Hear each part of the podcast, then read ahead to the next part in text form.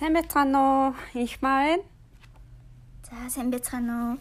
Инх хоёр байна. За битэрийн алдагдсан холбоо номны подкастын хамгийн сүүлийн дугаар буюу 8 дахь дугаар тархины өөрчлөлт болон гений үүрэг одоо хүний сэтгэл готролд хэрхэн нөлөөлдөг вэ гэдэг талаар ярилцсан. Тэгээд бас дээрэс нь номоо ерөнхийдөө базаад нам дээр гардаг 9 шалтгааныг базаад ингээд хамгийн сүүлчийнхаа подкастыг хийх гэж байна. Энэ бол э season 1 episode 8 явуулж байна.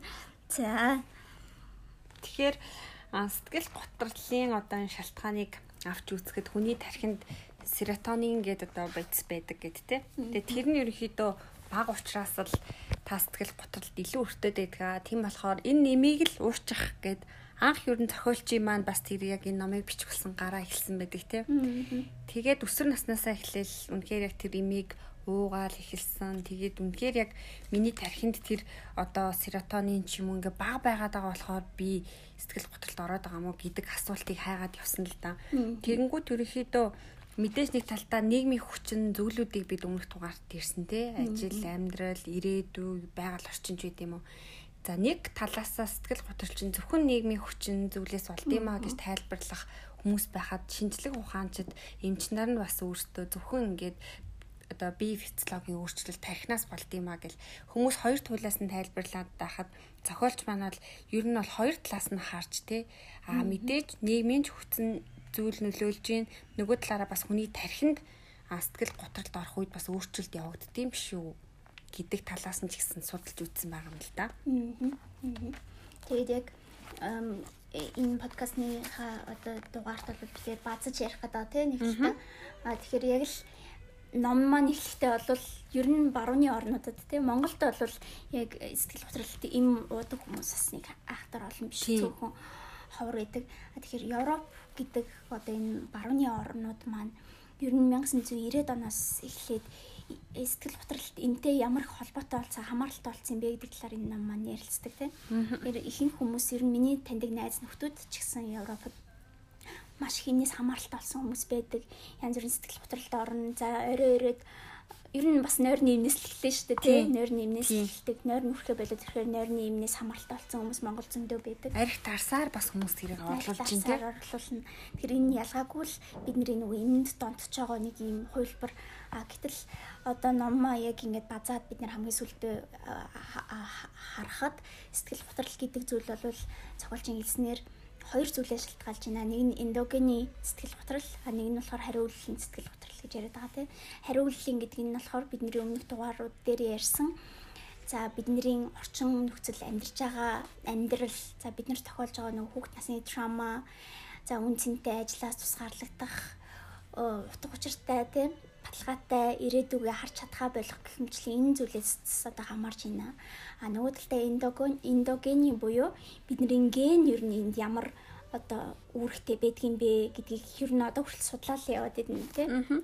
Чиний түрүүний хэлсэн шиг нөгөө серотонин гэдэг бодис бол бидний тархинд байдаг юм байна. Гэхдээ барууныхны бол 90-ад оноос баримтлаад ирсэн зүйл бол ерөөсө серотонин дутагдсанаас болол чи сэтгэл готрол автчихна гэдэг нь ихэнх одоо юм одоо төвлөрсөн юм болчихсон байсан учраас хүмүүс юм хамааралтай болсон. Тэгэд одоо ингээд харахад үгүй сэтгэл готрол гэдэг чинь нийгэм би а нөгөө гурван үед сэтгэл би нийгэм гэсэн ийм гурван зүйлээс болдгоо. Тэр энийг бид нэр гурвал ингээд ер нь бол одоо уламжлалт амгаах эмчнэр хүртэл яг энэ гурыг ярьдаг шүү дээ. Зөвхөн бие физиологи биш. Таны бие яагаад өвдөд байгаа юм гэхээр шиг холбоотой. холбоотой. Тэрийг чинь бас эмчилъя гэж ингэж ярьдаг. Тэгэл яг л тэрнтэй адилхан хэмээн дээр яригдаад байгаа юм л та. Яг үнэн. Тэгээд энэ дээр бас айгу тийм сонирхолтой зүйл нь тарих тарих гэж яриад байгаа шүү дээ. Тарихын дотор юу болж ингээд Тэгээ нэг жишээ байгаа одоо Америкийн нэгдсэн улсын ерөнхийлөгч асан тий Джон Кеннедигийн хэлсэн алдартай үг гэдэг шүү дээ. Их орон миний төлөө юу хийж чадах вэ гэж асуухаас илүү та би их орны хатлаа юу хийж чадах вэ гэж асуу гэдэг шиг үүнээс бас үүдээд одоо сэтгэл зүйч Мейс гэд хүн өөрөө үгийг орлуулж хэлсэн байдаг тий. Таны толгойд юу байгааг асуухын оронд толгой чинь юун дотор байгааг асуу гэд. Тэгээ би энийг бас уншаад ирээд хүрсэн л дээ. Өөрөө таны толгойд юу байна гэ подкаст хийгээд байдаг. Тэгэхээр бид нар ингээд юу бодож байгаа маань айгүй чухал байгаад идэг те. Гэтэл яг толгой дотор маань юу байгаа юм бэ гэж бодхоос илүү толгой чи юун дотор байгаа юм бэ гэж асуугаад шүү дээ. Таны толгой юун дотор байгаа. Тэгэхээр энэ асуулт аягүй сонирхолтой байна л да. Энийг таас юу гэж бодож байна? Энийг би бас өөрөөсөө асуулга юм. Нэр нь бол бидний толгой дотор маань юу болоод ийна гэл ингэж асууж ирсэнээс энэ сая л яг эргээд ингэж ярихад Тэгвэл толгой маань юун дотор байгаа юм бэ гэхээр яг л бидний нөгөө байгаа орчин тий. Тэр маш их нөлөөлөл давтдаг. Хамт найзалж байгаа найзынхаа нөлөөнд давтна, гэр бүлийнхаа нөлөөнд давтна, ажлынхаа нөлөөнд давтна, нийгмийн их стресстэй бохимдолтой нөлөөнд давтна. Тэгэхээр энэ болгон маань бидний тархинд эргээд нөлөөдөлт юм байна. Нөлөө дотроо орчоод бид нэр тэрэндээ сэтгэхэд бас тархиа гадагшаага гарахтаа тэр бодлоо илэрхийлж байгаа юм байна гэдэг юм юм яригдаад байгаа юм байна л гэж ойлгоод. Тэр хэрээрээ бидний тархи өөрчлөгдөг гэдэг байгаа шүү дээ. Бидний одоо хийж байгаа ажил, бидний амьдралд гарч байгаа өөрчлөлтүүд дагаад ерөөсө хүний тарих өөрчлөгдөж идэг гэдэг тухаас энд ирээд байна тий. Тэрнээс биш ингээл байдаг. Угасаал яг ийм л гисэн юм бол байхгүй. Үргэлж өөрчлөгцөөр байдаг. Бидний одоо нэг муу мэдээ ингээд уншихад хүртэл жишээ байдаг штэ. Сэтгэл готор орж ганцаардахад те баг ингээд тарих руугаа ингээд дагддуулаа цохиудлаад авсан мэт бийд тийм хариултал үзүүлдэг. Тэгээд ганцаардах үед одоо баг 15 тамхичулуу нэг дор татантай адил хүнд тийм хор уршиг мэдрэгдэг гэд. Ингээ бидний гаднаас аваад байгаа юм чинь бидний биеийг бас өөрчлөөд идэг тал байгаа байхгүй юу? Энд дэр нэг юм жишээ гардаг. Одоо бид тэр жишээлбэл сүүлийн подкастн дээр бол ген ер нь яаж нөлөөлт юм бэ гэдгийг ярьж байгаа шүү дээ бас тодорхойлох гэдэг мэдээж өмнөх подкастууд гадны нөлөөгөөр ингээд хүмүүс сэтгэл хөдлөл автаад байна. Гэтэл одоо жишээлбэл аа за сэтгэл хөдлөлтэй хүмүүс би угаасаа л сэтгэл хөдлөл тавтдаг би төрхөөсөө л тийм байсан. Яагаад тэгэхээр магадгүй манай ээж бас их сэтгэл хөдлөл тавтдаг байсан. Эсвэл эмээ сэтгэл хөдлөлт аав тийм байсан, өвөө тийм байсан ч гэдэг юм уу. Тийм зүйлүүд бас их яригддаг юм байна л да. Тэгэхээр би одоо жишээлбэл угаасаа л юм сэтгэл хөдлөлт автдаг учраас байнга л би юм стресстэй юм шиг эсвэл нэг төвшөртэй юм шиг байдаг учраас энийг бол нэг имжлэгээд тах гадны нөлөөгөөр нэг айхтар би имжлэгдэхгүй ч гэж боддог ч юм уу тийм байдаг юм байна. А гэтэл нөгөө яг энэ судалгаагаараа гаргаж ирсэн байгаа байхгүй юу? Тэгвэл яг хүний генээр дамжиж сэтгэл готрол яаж дараагийнхаа хүнд шилждэг юм генээр яаж дамждаг гэдгийг судалсан юм. Тэгээ яг хоёр нөгөө ихэр хүмүүсийг судалж л дээ. Тэгээ ихрүүдийг судалсан чинь энэ хүмүүсийн за юу гэж гардаг вэ? 30% нь ерөөсөө генээр дамжиж байгаа 30% нь сэтгэл готролтой холбоотой байдаг ахна. Аа генерээ дамжаад 90% нь за одоо жишээл хоёр хэр хүн өндөр намын байдлыг хараад үзэхэд 90% нь бол тэр хоёр хүмүүсийн өндөр нам ижил байх нь 90% ижлэх юм байдаг байна. Гэтэл сэтгэл готрол нь 30% гэдэг чинь тэрнээс маш бага тий. Эргээд юун дээр нэлээ 0% гадаг шигсэн. За өөр хэлээр ярих чадвар нь. Тий өөр хэлээр ярих чадвар нь болохоор 0% байдаг. Тэгэхээр энэ бол сэтгэл готрлыг бид нэр шууд бид нэр 100% эцэг ихээсээ ч юм уу өвөө эмээгээс өвлж авдаг гэдэг бол худлаа юм байна гэдгийг энийг баталж байгаа юм. А гэхдээ нэг талтаа 30% гэдэг бол маш өндөр хувь нэг талтаа. А гэхдээ энэ дэр судалгаагаар юу гэж гарсан вэ гэхээр гэтэл тэр 30% гэдэг маань та шууд сэтгэл готролт генээсээ болоод автнаа гэсэн үг болвол биш ээ тархинаас болоод а амьдралт чинь бидний өмнөх дугаарууд дээр яриад байгаа нөгөө хүчин зүйлүүд бий болсноор тэр 30% чинь сэтрэж өгдөг юм байна л да. Аа. Тэгэхээр одоо жишээлбэл хүн би 30%-ийн одоо сэтгэл готрлын генийг өвлөө төрчлөө гэд би өөрөө шууд бус одоо хүмүүсээсээ илүү сэтгэл готрол автаад байна гэсэн үг болол биш юуч болоогүй хахад а ямар нэгэн үйл явдал миний амьдралд те болсноор а тэр 30% болвол тэрийг илүү сэдрэж өгдөг, илүү автах магадлал нь өндөр сэтгэл юм байна л да. Тэр генийн бол үүрэгээрээ химэл байдаг бахан. А түнс бол одоо та одоо жишээлбэл хоёлаа нэг бүр анхныхаа юун дээр ярьжсэн л та. Нөө драма queen гэж дуудаад. Тий. Юм л болохоор ямар их стресстэй, ямар их гонглдیں۔ Чи надхасаа болоочтой. Э, хүн болгон юм байдаггүй штэ гэж ингэж хэлээд Тэгвэл одоо өөрийгөө намн дээр ч гэсэн гардаг тийм. Ингиж сэтгэл хөдлөлт тавтаж сууж хахаас тэгээд гараад ажил хийгээч. Эсвэл бол найз нөхдөөгөө уулзаач. Ингэж ингэж хэлдэг. Тэгээд нөгөө хүн маань эргээд би одоо хингээл нэг юм хэмэл төрсөн. За нөгөө охины орд гэж чи тэр ярьжсэн тийм. Намар төрсөн 9 сарынхан гэ. Охины орд намар төрсөн хүмүүс угаасаа л нэг юм эмо ч юм уу те. Эсвэл ингээл нэг байнга сэтгэл хөдлөлт авсан юм шиг юм юм. Э тийм юм зүйл болвол 100% байхгүй гэдгийг хин дээр батлаад байгаа юм л та. Аа байсан ч гэсэн тэр бол ямар нэгэн байдлаар сэтэрдэг гэдгийг хин дээр харуулдаг юм. Харин тий. Тэгээ бас энэ дээр нэг сонирхолтой жишээ одоо феминизмын тухай жишээ ч гэсэн гарч ийн тий. Ялангуяа нөгөө 1950-ад оны үеийн гэр эзэгтэй нарыг авч үзье гэл тэнгүүд тэнд нэг эмэгтэйгийн жишээ одоо гардаг шүү дээ. Нэг эмэгтэй очоод за миний биднийг л юм болохгүй юм тий. Ингээд нэг л биш би уг нь ингээд сайхан нөхөртөө сайхан ажилтаа сайхан гэр бүлтэй ингээ үр хүүхдтэй. Гэтэ нэг л юм ингээ болохгүй байна гэд А тэнгууд хэрвээ та жишээлбэл тэр үед штэ тэ төрсэн бол та ингээд сэтгэл зүйч төр утсан бол танд шууд одоо сэтгэл готрол шаналлч юм уу эрхэнд донтолтонд орсон үнд үгдэг имийг л санал болох байсан гэх тэ. Тэгэхээр яг тэгэхээр тэр үеийн хинжүүр нь таныг юус сэтгэл готролд орсон гэж үзэхгүй байна л та. Ягаад тэгэхээр танд яг нэгэн дээр аа ажралтай хүн бол ийм юм а гэдэг бүх тодорхойлт танд байгаад байгаа болохоор а гэтэл энэ дээр одоо хэлж ин л та эмэгтэй хүнд те гэр орон машин орон байр хүүхдээс гадна сайн нөхөр. Тий сайн нөхрөөс гадна тий эргэтгэж байдал одоо утга учиртай ажил тий бие дааж авч явах чадвар зэрэг нөр аягүй тийм эмэгтэй хүнийг ад жаргалтай болгох юм а. Гэхдээ энэ нь нийгмийн хэмжүүр. А тухайн үед тэр эмэгтэйд асуудал байгаагүй. Нийгмийн хэмжүүрт нь л одоо асуудал байсан юм а. Гэт хий чинь яг л түүнтэй адилхан энэ биологоос л хамааралтай гэдэг нь бас нэг тухайн цаг үеийн одоо хүртэл үргэлжлээд яваад байгаа хэдий ч магадгүй 50 60 жилийн өмнө одоо бүр илүү ноёлж исэн те. Тухайд магадгүй хүмүүс ерөөсөө мэдчихсэн ч мдээгүй юм шиг тухайн эрдэнтэд өнгөрөөж исэн байж магадгүй. Зүгээр л маргалдаал өнгөрцөн те. Харин одоо үед бол бид нэр азар бас те. Сэтгэл готрол гэдэг чинь ингээд биологоос л болдгоо юм байна те. Зүгээр л нэг бодис дутагдаад ч юм уу тэрийг нөхөхийн тулд юм угаал болчихдгоо юм байна гэдгийг одоо хүмүүс яг ойлгож байгаа нь ер нь бол үр дүн нь. Тэр олон жилийн хүмүүсийн үр дагавар нь ч юм шиг те. Буруу зөв онцлогооны үндсэн дээр Гэхдээ яг хөө мэдээж тодорхой хэмжээний цөөн хувийг бол хэлсэн байсан л да. Одоо бамба булчир хатаа ч юм уу хавдраар өрчлөөд сэтгэл готролд орсон хүмүүс бол үнэхээр байдгаа. Гэхдээ эдгээр бол ер нь маш цөөн хувь. А нөгөө талдаа нөгөө генээр бас дамждаггүй юу гэдгийг бас судалсаар л байгаа тий. Дамждаг байлаач бол тэр бол маш ховор тэр бол маш цөөн хувь байх боломжтой юм а гэдгийг хэлсэн байсан. Энэ дэр бас нэг жишээ гардаг чи санаж байна. Догтой хүмүүсийн жишээ Тэгээ одоо түрүүний яг саяхан хоёлагийн ярьжсэн шиг өмнөх юм дээр ярьжсэн шиг. За чи сэтгэл готролт ингээд хүн орсон байхад тий. Юунда готраад идэг вэ? Наа чамд готрох юм байхгүй шүү дээ гараад явал да өөрөө ажил төрлөө хий тий. Найз нөхдөд уулз сая хэлсэн шиг. Өөр чи энэс өөрөө өөрөө л гарна штэ гэж ингэж хэлдэг.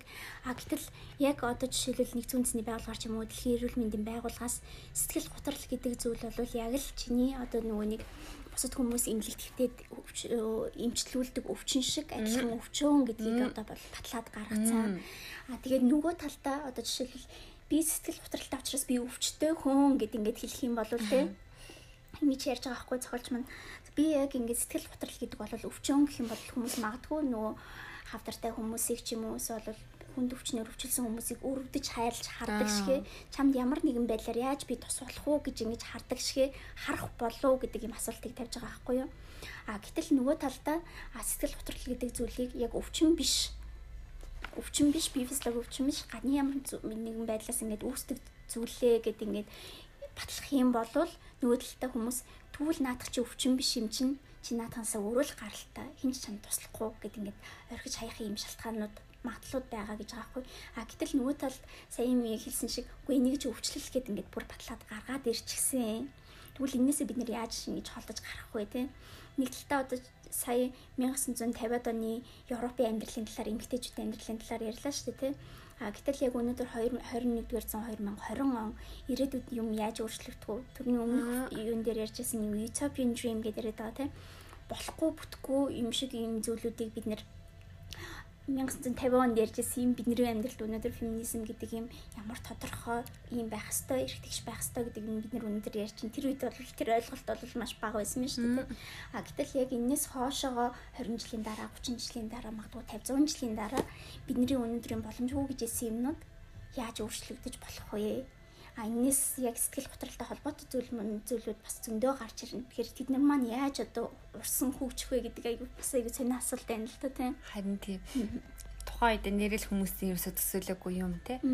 Тэгэл үүний цаана бол мэдээж нөгөө эрүүл мэндийн салбарын юу ч гэсэн яригдчихэд гэжтэй нэр хүнд байдаг. Тэгээ тэр нөгөө им гэдэг чинь өөр асар одоо том бизнес болчихсон тий баг.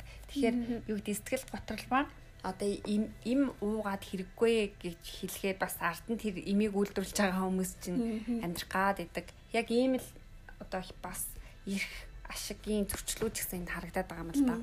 Тэгэхээр яг хуу имж Монголд бол харьцангуй зөвлөхгүй л байх те. Гэхдээ бас аль хэзээний уугаад эхэлчихсэн ч юм уу те яг ийм хүмүүс байхаагаа бол үүсэхгүй зөвхөн имж биш. Магадгүй ариг савтууруулгундаа эсвэл одоо компьютер тоглоом гэ ямар нэг юмд ийм донтолтоор ерөнхийдөө өөрийгөө имжлэх гэж оролдож байгаа бол бас өөртөө пауз өгөөд те яг өөрийнхөө шалтгааныг өмнөх 9 7 шалтгааныг бодоод гүйлгээд үзээрэй. Яг эннээс илүү харин бараг та нийгмийн гадны хүчин зүйлээс авж байгаа зүйлээсээ болж илүү сэтгэл готролд орж явах магадлал нь их юм шүү. А тэрнээс биш чи анханасаа л ингэж төрсэн чи ийм л хүн гэж бодох нь бол яг өрөөсгөл болчихлоо шүү дээ. Тэгэхээр хин ч юу нь бол нэг сэтгэл готролтой төрдөггүй гих тал руугаа одоо илүү хандж ил гэж ойлгож байна л доо. Харин явцын дундаа бид нэр амьдралынхаа аль нэг үед хүүхэд насндаа авсан дэр шарахаасаа болдог ч юм уу эсвэл одоо гэр бүлийн харилцаанаас авсан шарах нөгөө талаараа энэ их одоо өөрчлөгдөж байгаа нийгэмд одоо эдийн засаг санхүүгийн байдал статусаараа ялгарлан гадуурхагдах гэд энэ болон хүчин зүйлээсээ сэтгэл готролд харин орсноос болоод Иннээс болж харин таны тарих өөрчлөгдөж таны бие чинь өвддөг юм шүү гэдгийг л бодмоор байна. Бид нар нөгөө Маслогийн нэг онолыг олон жил ингээл ярьсаар ирсэн шүү дээ. Одоо хүний хэрэгцээний шатлалыг те хамгийн эхлээд л ерөөсөө нэг идэх хоолтой, унтах газартаа ер нь хүний физиологийн хэрэгцээг ярьсаар байгаад хамгийн дээдлэлт нь л баг нөгөө нэг сэтгэл хангалуун байх хийж бүтээх хинтергээ явдаг те. Гэтэл орчин үед бас тэрийг эсэргээр нь яриад байгаа штэ. А тэр физиологийн хэрэгцээгээ бол хүн хангачлаа. Одоо хангадаг болчлоо те хөгжөөд одоо сэтгэл зүйн хэрэгцээ чинь нэг тийм шүү. Хүн эхлээ сэтгэл хангалуун одоо ажиглалтай байх хэрэгтэй юм шүү гэд. Гэтэл нөгөө бид нар ингээ бүх тал дээрээ л ерөөсө бие махбодын тэр хэрэгцээ гэдэг зүйлийг л нэгт тавьж ирсний үр дагавар нь яг өнөөдрийн ном бас бичиж төгсөн шалтгаан баг л та. Энэ номны бас нэг анханасаа л хүмүүс яг эхний хэдэн бүлэгсэдийг уншаад надтай ярилцчихсэн хүмүүс яагаад ингэж эмний тухай ингэж их яриад байгаа юм бэ гэдэг асуултаас их байсан л та. Тэгээ яалтчгүй бид нар ч гэсэн Монгол ч гэсэн яг энэ яваад байгаа штэ эмний өмнөөс хамааралтай.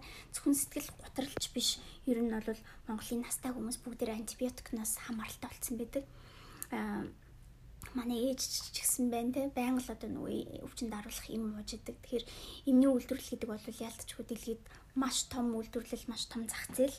Тэгээд э, хүмүүс тэрнээс маш их янз бүрийн юмнаас эмнээс бол маш их хамааралтай зөвхөн сэтгэл готрол биш. А нөгөө талдаа одоо бид нэр энэ пандемик гэж ярьж байна 2020 онд болж байгаа пандемик байхад бидний үргэлж те үргэлж ерөөсөө л ингээд жил болгон бэж идэг пандемик бэж ин тэр нь бол бидний хувьд бол сэтгэл готрол юм аа. Тэрийг бид нэр өөрсдөө яг огцом гаргаж ирж ярьдаггүй л болохоос сэтгэл готрлаас болж ямар олон хүн өдөр тутамд амиа алддаг тийм. Яг үнэ бид нэр одоо дэлхийд яг ковидос болоод тоо тоог нь бол маш их гаргаж ирж байна. Тэдэн хүн амиалд чинь тэдэн хүн амиалж чинь. Тэгэл яг сэтгэл готрлаас болоод гэртээ чимээгүй нас орж байгаа хүмүүс маш их байгаа. Амиа орлож байгаа хүмүүс маш маш их маш их байгаа.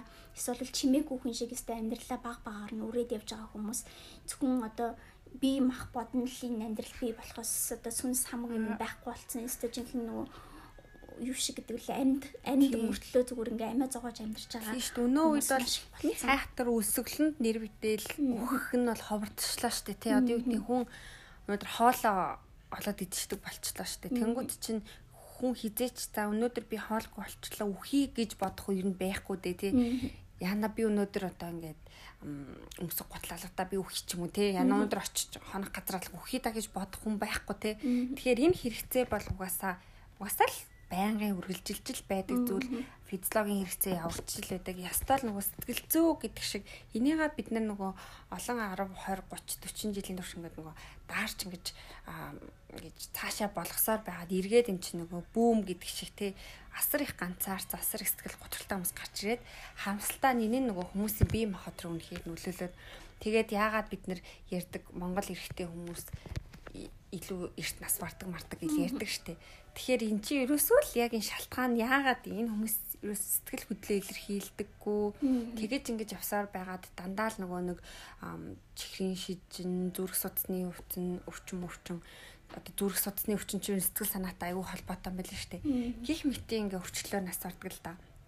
Тэгэхээр л дахиад бид нар энэ номын 9 бүлгийн одоо төгсгөлд өөртөөс асуумаар юм те. Яг таны бие чинь өвдөд байгаа чинь таны сэтгэлтэй холбоотой байх айгу магталтай байна. Тэгэхээр энийг аль бүгдээрээ айгуух бодмоор байна энэ цаг үед.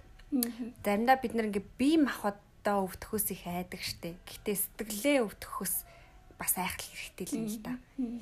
Би бол өвдлөө гэхэд бид нар сэргээж болно, эмчилж болж юм те. Гэхдээ яг нөгөө хүний сэтгэл өвдсөн хад харагдахгүй юм чинь би таныг хараад өө сэтгэл чинь өвдсөн үү гэж ерөөсө харж чадахгүй. Тийм учраас яг үнэхээр мэрэгжлийн хүмүүс рүү хандах нь айгүй чухал юм аа. Эмчдэр бас очихоос илүү яг сэтгэл зүйчид энэ нийгэмд бас айгүй хэрэгтэй юм л да тийм. Аа за тэгээд яг энэ энэ дээр хүрэж ирэх хамгийн сүүлийн юм дээр битэр бас ярих юм их ах шиг энэ тий. Яг базаад ярихаар тэгээ сая яг инкмагийн э, хэлсэн шиг хэрвээс одоо би чинь өвдөд байгаа бол сэтгэл зүйч нь одоо хямарч байгаа бол энэ бол бас танд өгж байгаа нэг тохио юм болоо гэж бас зохиолч маань ихэндээ ч хэлсэн байдаг номынхаа төгсгөлд ч хэлсэн байдаг. Танд ямар нэгэн байдлаар амьдралч чинь нэг юм болохгүй байна гэдэг тохиог өгöd байгаа юм байна. Тэрийг зөвхөн имээр орлуулах биш. Ямар ч юм те имээр орлуулах биш та цаад байгаа шалтгааны нолоорой олсноороо бол та урт удаа хугацаанд бас илүү аз жаргалтай амьдрах амьдралын бас нэг эхлэл болох юм болов. Тэг яг Монгол хүмүүсийн хувьд сэтгэл готрол гэдэг үг өөрөө буухад аюу хэцүүлтэй. Би сэтгэл готраад байна гэд хүмүүс их яриад байдггүй те. Стресс гэдэг үгийг хэрэгэлдэг миний сэтгэл утраад байна гэд ер нь ялангуяа чи түрүүн хэлсэн эрэгтэй хүмүүсийн хувьд бол ерөөсөө нэг хад чулуу шиг байгаад ингээд сурцсан. Тэгээд сэтгэл утраад байна гэд ингээд яриа суух юм бол бараг л шоолуулах маягтай тийм зүйлүүд бас байдаг. Чаагүй гэл нэгээс ямар амар сул дараа юм бэ? Ямар амар эмгтэй хүн шиг юм бэ гэл нэг эрэгтэй хүнийг доромжилдаг штеп. Тэгэхээр тийм зүйлүүд маш их байдаг учраас энэ бидний хүн болгоны ер нь амьдралд байдаг асуудлууд шүү. Тэгээд энийг бас битээр подкаст болгондоо л хэлээд байгаа ярилцаарай л гэж хэлмээр нь. Тэгээд номныхоо хамгийн сүүлчийн нэг дүгнэлт хэсгээс бас нэг уншиж өгье гэж бодож байна. Тэгээд зохиолч маань өөрөө яг хэлсэн байдаг л та. Тэгэд өөрөө өөрөө нөгөө өсвөр наснда наснаас эхлээд сэтгэл хөдлөл маш их хавцсан хүн байсан учраас энэ номыг ч бас бичих шалтгаан болсон. Тэгээд тэр хүн өөрөөсөө ингэж хэлнэ. За чи бол ямар нэгэн эд ангин эвдэрсэн машин биш харин хэрэгцээ нь хангагдаагүй антим чамд хамт байх хүмүүс хэрэгтэй чамд утга учир утга учиртай үнцэн байх хэрэгтэй мөнгө болон эд хөрөнгөтэй байж байж байж аж аргалтай болно гэж насан туршдаа итгэснээр ирсэн буруу ойлголтоос салах хэрэгтэй чамд утга учиртай ажил хэрэгтэй, чамд их дэлхий байгаль хэрэгтэй, чи бусадад хүндлэгдэх хэрэгтэй, чамд баталгаатай ирээдүй хэрэгтэй, чамд харилцаа холбоотой холбоо хэрэгтэй. Чи хэн нэгэнд доромжлогдож байсан бол үүнийг өөрөөсөө гаргаж чөлөөлөх хэрэгтэй гэж ингэж хэлсэн байгаа хгүй. Тэгэхээр энэ яг л нөгөө намыг мань бацж ийн л та тий. Биднэрт өнөөдөр бид нар чинь яг л нөгөө саванад байгаа бидний Африкийн саванад гэж битэр яриад байгаа тий адилхан амьтад шиг бид нар зүгээр л оюун ухаантай амьтад бид нар бол эд ангид нэвтэрсэн машин биш шүү дээ бид нар чиний түрүүн хэлсэн Масловын hierarchy theory гэдэг байдаг. Тэр шиг биднэрт хэрэгцээ маань л биднэрт хангагдахгүй байгаад байгаа юм. Би зөвхөн өнөөдрийн анхан шатны хэрэгцээ биш бид нэр дараа дараагийн хүнлэгдэх, хайрлагдах ийм хэрэгцээнүүд бол биднэрт маш их тутаснараа бид нэр өнөөдрийн ийм байдалтай хүрч байгаа юм байна. Тэгээд хүмүүсийн хүмүүс манаас энэ номыг авалж уншаад энэ дээрс зөндөө юм гарч ир чинь би одоо унших тусмал надад юм гарч ирдэг л та. Тийм зарим хүмүүс хүмүүс нэг тэгчдэг штэ ингээд сонсоол болоо штэ гэд хандах гад байдаг. Гэтэ одоо номыг ингээд артлын хэсгийн ингээ харангуут те 200 ингээд 45 дахь хууснаас эхлээд дандаа юм тэмдэглэлүүд байна те. Бүлэг болгон дээр одоо маш их судалгаа хийсэн байна. Энд дээр ингээд дандаа нэр том ёо бүх юмыг яг хаанаас авсан, ямар номнаас авсан те. Ямар ном, ямар бичлэг, ямар одоо яг бүр ярилцлагаас бүр иш татаж авсан гэдгийг ингээ бүгдийг битсэн. Энийг л судлахад нэрээ бүр бүтэн жил баг болохоор тэгэхээр эн чинь ингээ танд ямар ч нөгөө их сургуулийн тэ сэтгэл зүйн хичээлэг үзснээс илүү юм болчихж байгаа байхгүй. Тэгээд хамгийн угаасаа хилдэг сурах арга барилыг хилдэг ш. Зүгээр хин нэгнээс хин нэгнээр заалахаас илүү өөрөө хүн ингэж ирж хааж судалж тэгээд тэр судалсан юмаа бусдад хуваалцах үед хүн илүү суралцдгаа гэж. Тэгэхээр энэ номыг уншаад ингээ хаагаад орхих биш бүр ингээд арийнхын тэмдэглэлүүд энийг нэг нь хөөгөөд судлаад тэгээд тэрийг та ингээ эргэн тойрныхандаа хуваалцаад тэрнээсээ та төгсгөлд нь та айгүй хэцүүлийг олж авсан байх болно гэдгийг л бас хүмүүстээ хэлмээр байна. Тэгээ мэдээж энийг бас анханаас нь ингээд ярээ явах шалтгаан болсон нь өөрийгөө бас ерэн сэтгэл готролтой байна гэдгээ хүлээн зөвшөөрөөд энийг л яриад явж байгаа юм л та. Тэрнээс биш өө би зүгээр а би мэдэн штэ. Энэ юм байдаг штэ гэж явж исэн бол бас юм юм яриа суухгүй те. Мэдэх сонсож байсан ч гэсэн үнэхээр яг яг үнэнтэй нүр тулаагүй хэсгүүд айгүйх байсан учраас энийг уншсан. Тэгэхээр өө таны хувьд мэддэг юм шиг зүйлийг ярьсан бол үнэхээр аваад уншаад үзээрэй. Мэдгүй юм бас өчнөө энэ дотор байна гэж хэлмээр байна. Тэгээд манай нэг найз аваад гэртээ тавьчихсан чинь нөхөр нь чи яагаад ийм ном уншиж байгаа чи сэтгэл хөдлөл автаад байгаа юм уу гэдэг санаа зовсон гинэ. Чи яасан ингэ санаа зовсон гэсэн. Тэгэд энэ номыг би зөвхөн сэтгэл хөдлөлт автсан хүмүүс биш те а та таны эргэн тойронд найз нөхөд гэр бүл хамт ажилладаг хүмүүс ер нь тэгээд дээрс нь сэтгэл зүүн сэтгэл зүүн одоо энэ сэдвийг өөрөө судалж медиа гэж байгаа бүхэл хүмүүс авч уншаасай гэж бодож байна. Тэгээд миний хувьд ч гэсэн ялгаагүй цаашдаа сэтгэл зүгээр бас суралцах сонирхолтой байгаа учраас энэ бол анхны одоо нөгөө бас нэг том алхам болсон гэж бодож байгаа. Тэгээ цааш цаашдаа яг инх магийн хэлсэн шиг энэ номны ард бол зөндөө э, олон судалгаануудын одоо бичвэрүүд байгаа тэрийг бас олж уншаарай гэж хэллээ да. Тэгээд энэ хугацаанд бас битээртэй хамт байсан хүмүүстээ маш их баярлалаа. Энэ подкастууд маань бүгдээрээ бичигдээд одоо үлдэх учраас эргээд эргээд сонсож бас болно. Яг юу яриад байгаа тухай. А тэгээ магадгүй энэ номноос үргэлжлээд юм яаж өрнөхийг бас мэдэхгүй юм дээ. Мэдэхгүй. Та хэд манаас гой санал болгож болох юм те. Магадгүй ингээд нэгэнд карантины үеийг бас ашиглаад өөр сонирхолтой зүйлсээр та бүхэнтэйг юм яриад гоё хуваалцах боломжтой тий. За за тэгээд гонигтай ч юм шиг дан төгсгсөн чинь бас гоё ч юм шиг. Тэгээ 8 подкаст ямар ч хэсэг явагдаж дууслаа. Тэгээ дараагийн подкаста одоо бодож байгаа ямар сэдвэр яаж явагдахыг бол мэдэхгүй байна. Гэтэ энэ бол алдагдсан холбоо номн дээр тулгуурласан 8 подкаст одоо байла. Тэгээ та бүхэн маш их баярлалаа. Тэгээ дараагийн подкастаараа уулзцаая. За баярлалаа. Тэгээ та бүхэн минь сайн сууж байгаараа. Тэр баяртай. За баярлалаа.